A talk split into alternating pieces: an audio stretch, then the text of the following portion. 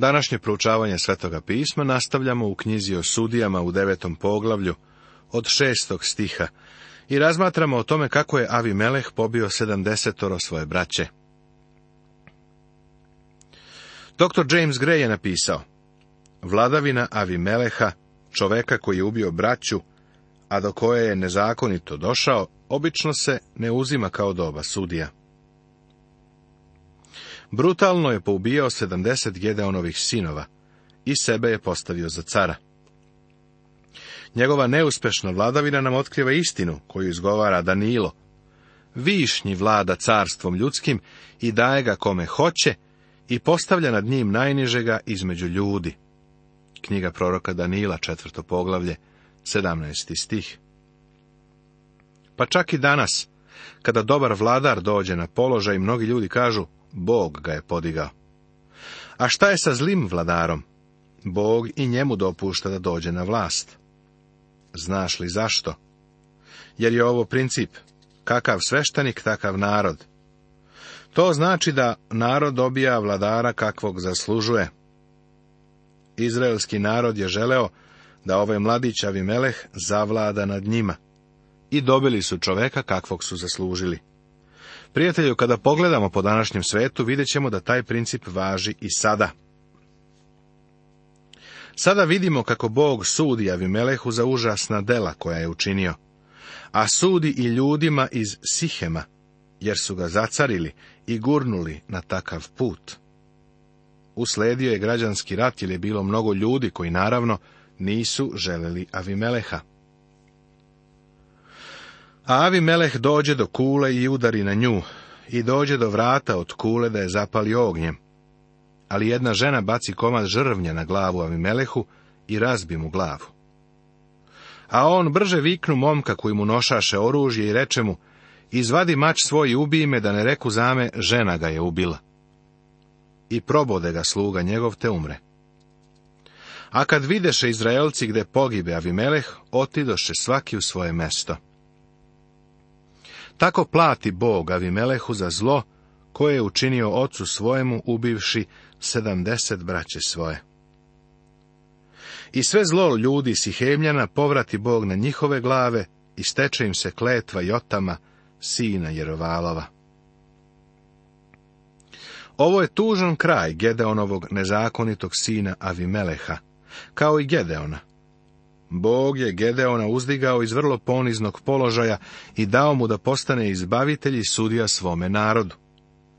Dozvolio mu je da mu se u životu desi nešto ovako što Bog nije odobravao, a što je rezultiralo građanskim ratom u Izraelu. Tola, sedmi sudija Tola i Jair su sljedeće sudije. Možda za tolu nikada nisi čuo, ako nisi u redu je. Nije učinio ništa vredno pomena.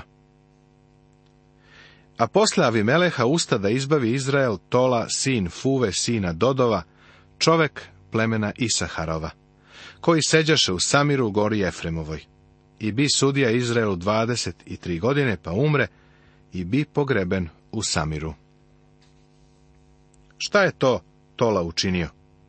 Umro je i bio sahranjen u Samiru. O njegovim dostignućima nije zapisano ništa.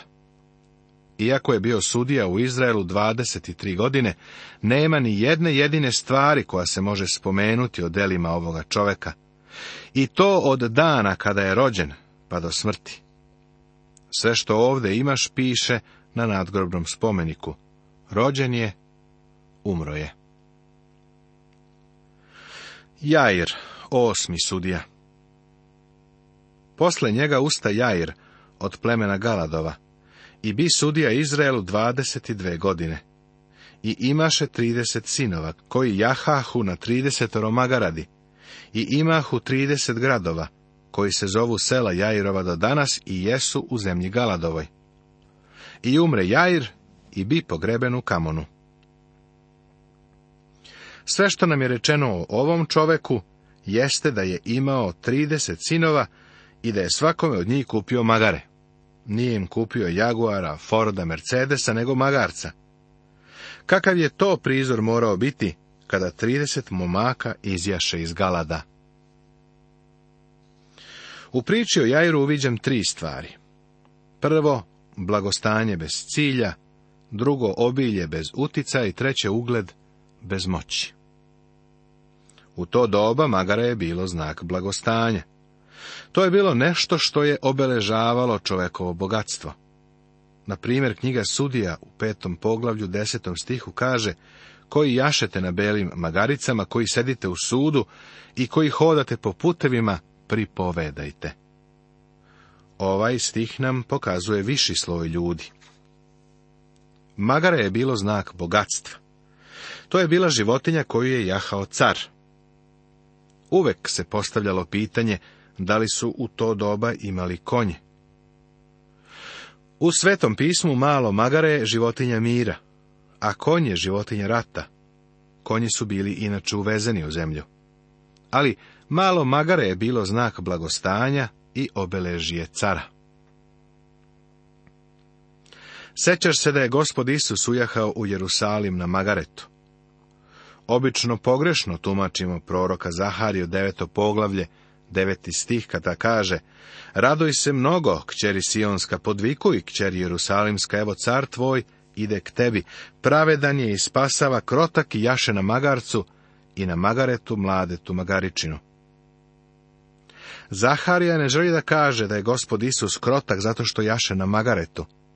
On je krotak uprkos tome što jaše na životinji koju jašu samo carevi. Da on nije bio car, stvarno bi bilo drsko ujahati u Jerusalim na Magaretu, tako kako je on učinio, i primiti svu slavu i osana pokliče od mnoštva koje se tada okupilo.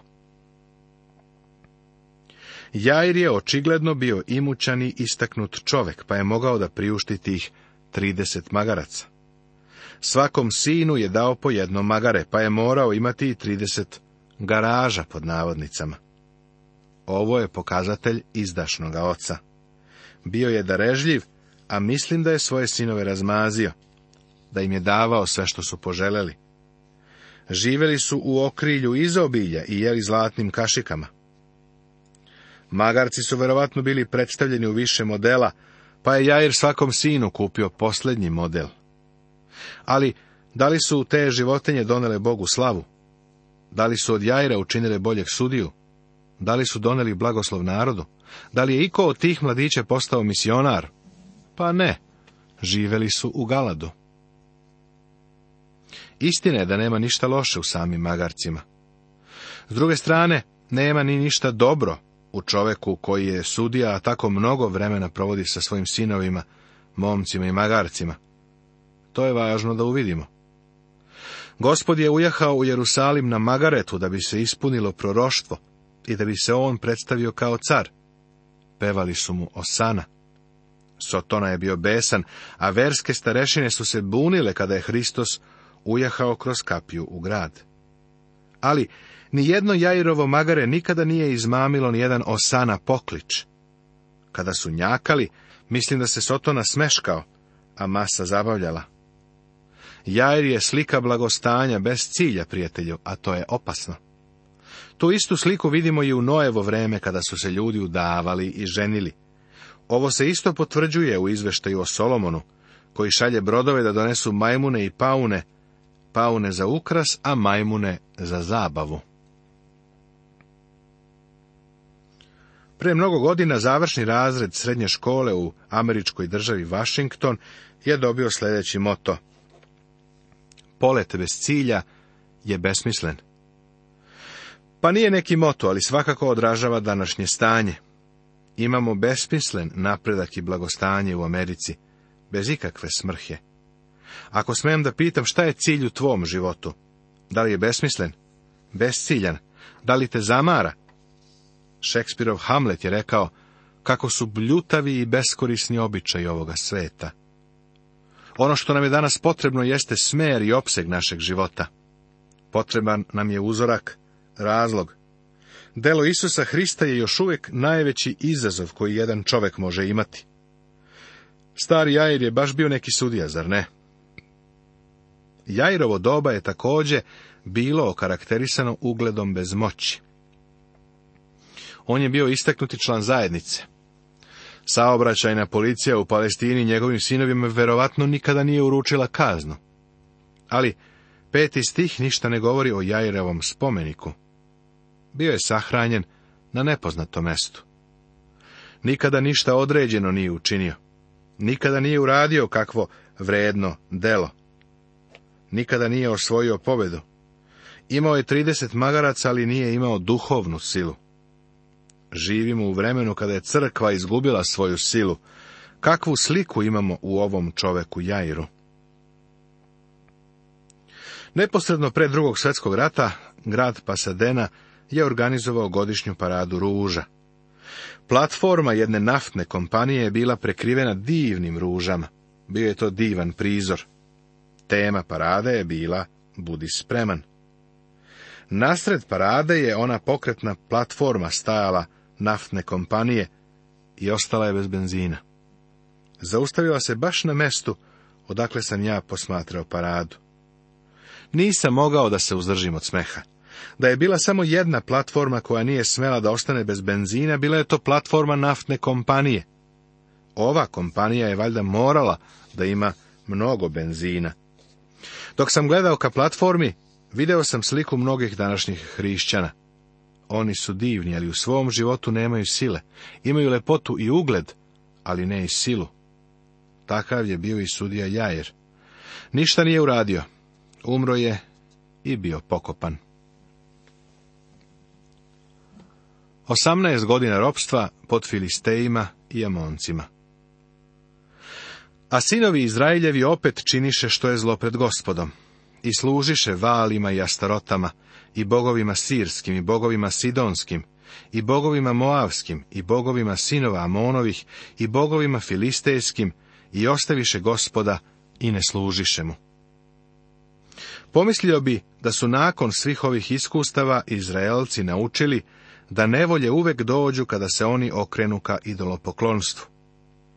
Zbog idolopoklonstva su ponovo pali u ropstvo. Služili su Filistejima i Amoncima osamnaest godina. Ljudska priroda je pala priroda. Prorok Jeremija je rekao, srce je prevarno više svega i opako, ko će ga poznati u 17. poglavlju u 9. stihu svoje knjige. Ti i ja ne poznajemo svoje srce. Lakše je pokazati prstom na ove ljude koji su živjeli oko hiljadu godina pre Hrista i reći, pogrešili ste, nego uvidjeti gdje smo mi sami pogrešili. Kako smo danas? Danas u crkvi vlada zastrašujuće otpadništvo.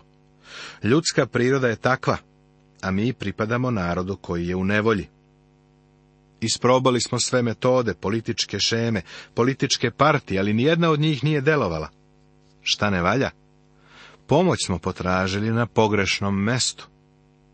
Jedino će nas okretanje ka Bogu dovesti na pravi put. Pa znam da zvuči staromodno i uskogrudo kada to kažem, ali tako je zvučalo i hiljadu godina pre Hrista. Izraelci su se okretali drugim bogovima. Odbili su da služe živom Bogu. Pa sada vidi šta se desilo. Zato se razgnevi gospod na Izraela, te ih dade u ruke Filistejima i u ruke sinovima Amonovim. Bog može da ukloni svoj instrument kada ga taj instrument izneveri.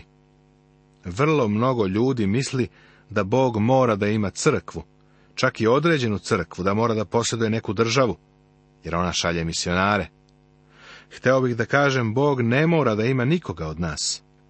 On uopšte ne zavisi od nas, međutim mi zavisimo od njega. Izrael je u ovo vreme bio verovatno na svojoj najnižoj tački sve im je pošlo naopako. Tada vapiše sinovi Izraeljevi ka gospodu govoreći, Sagreši smo ti što ostavi smo Boga svojega i služi smo valima. Narod je konačno postao toliko očajan da se okrenuo Bogu. Ovde sada vidimo istu staru priču, koja se još jednom ponavlja. Točak istorije se okreće, okreće se i danas. I šta se zatim desilo?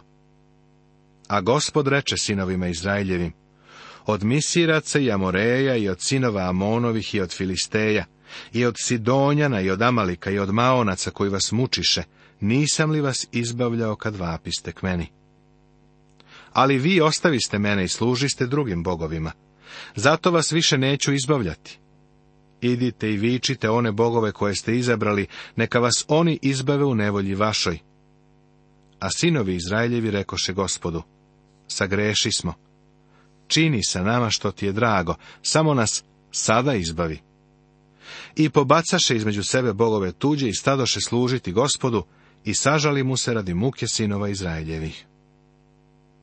Kako je Bog milostiv i pun ljubavi.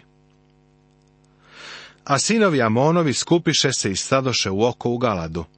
Skupiše se i sinovi Izraeljevi i stadoše u oko u Mispi a narodi, knezovi Galatski, rekoše jedan drugome, ko će početi boj sa sinovima Amonovim? On neka bude poglavar svima koji žive u Galadu. Izraelcima je nedostajalo voćstvo. Ovo je uvek obeležje ljudi ili generacije koja se odvratila od Boga.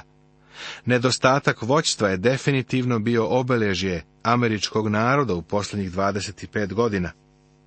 U stvari, Mnogo godina u svetu postoji nedostatak voćstva. Potrebno nam je vitalno voćstvo, ali kao da ga ne nalazimo. To je bilo i iskustvo Izraela. Sada će se za voćstvo okrenuti najneobičnijem čoveku. Pod normalnim okolnostima nikada mu se ne bi okrenuli. Poglavlje 11. Tema Jeftaj, deveti sudija i njegov ishitreni zavet. A Jefta je od Galada beše hrabar junak, ali sin jedne kurve s kojom Galad rodi Jeftaja. Prvo na što bih želeo da ti skrenem pažnju jeste da je on izvanredan vođa. Ali na sebi ima mračno obeležje. On je nezakoniti sin, sin jedne prostitutke. Ali Galadu i žena njegova rodi sinova, pa kad dorastoše sinovi te žene, oteraše Jeftaja, rekavši mu, nećeš imati nasledstva u domu oca našega, jer si sin druge žene. U pričama Solomonovim u 16. stihu drugog poglavlja govori se o tuđoj ženi, od koje sin treba da se pazi, jer su prostitutke bile tuđinke, strankinje. Josif nam kaže da je Galadova žena bila neznaboškinja. U jevrejskim zapisima o njoj se govori kao o Ismailkinji. Znači, Jeftaj je bio sin obične neznabožačke prostitutke. Nezakonitost je žig srama, koji obeležava jednu osobu od rođenja, bez obzira na to ko je u pitanju. Jeftaj je bio izgnanik. Bio je izbačen i izopšten iz društvene zajednice. Prema petoj knjizi Mojsijevoj, 23. poglavlju drugom stihu, Mojsijev zakon ga je odstranjivao od gospodnjeg zbora. Biti nezakonito dete je hendikep, to je sigurno, ali to su mnogi ljudi prevazišli. Ima kraljeva, careva, generala, pesnika i papa koji su bili nezakonita deca. Viljem Pobednik se, na primjer, potpisivao kao Viljem Kopile, jer je to bio. To je bio i Jeftaj, i on je, kao što ćemo vidjeti, prevazišao svoj hendikep. Zato pobeže Jeftaj od braće svoje i nastani se u zemlju Tovu. I stekoše se k njemu ljudi praznovi i iđahu s njim. Jeftaj je postao vođa bande razbojnika. Evo čoveka koji treba da savlada tri prepreke pre nego što postane vođa u svojoj zemlji. On je sin prostitutke, braća su ga oterala. On je vođa prezrene i odbačene družine. Baš i ne liči na čovjeka koga je moguće upotrebiti, ali vidiš, Bog takve ljude koristi. Bog se kreće na čudesne načine i on bira ljude koji su u ovom svetu prezreni. Bog isto tako dovodi u pitanje pokornosti one koje namerava da upotrebi. On je u takvo stanje doveo Josifa, Mojsija kao i Davida. Sam gospod je bio krotak i pokoran. On je bio prezren i odbačen između ljudi. On je onaj kamen koji odbaciše zidari, ali kamen koji je postao ugaoni kamen. Njegovi neprijatelji su rekli, nećemo da ovaj čovek vlada nad nama. Ipak ga je Bog uzvisio i dao mu ime iznad svakog drugog imena. Nastavit će se.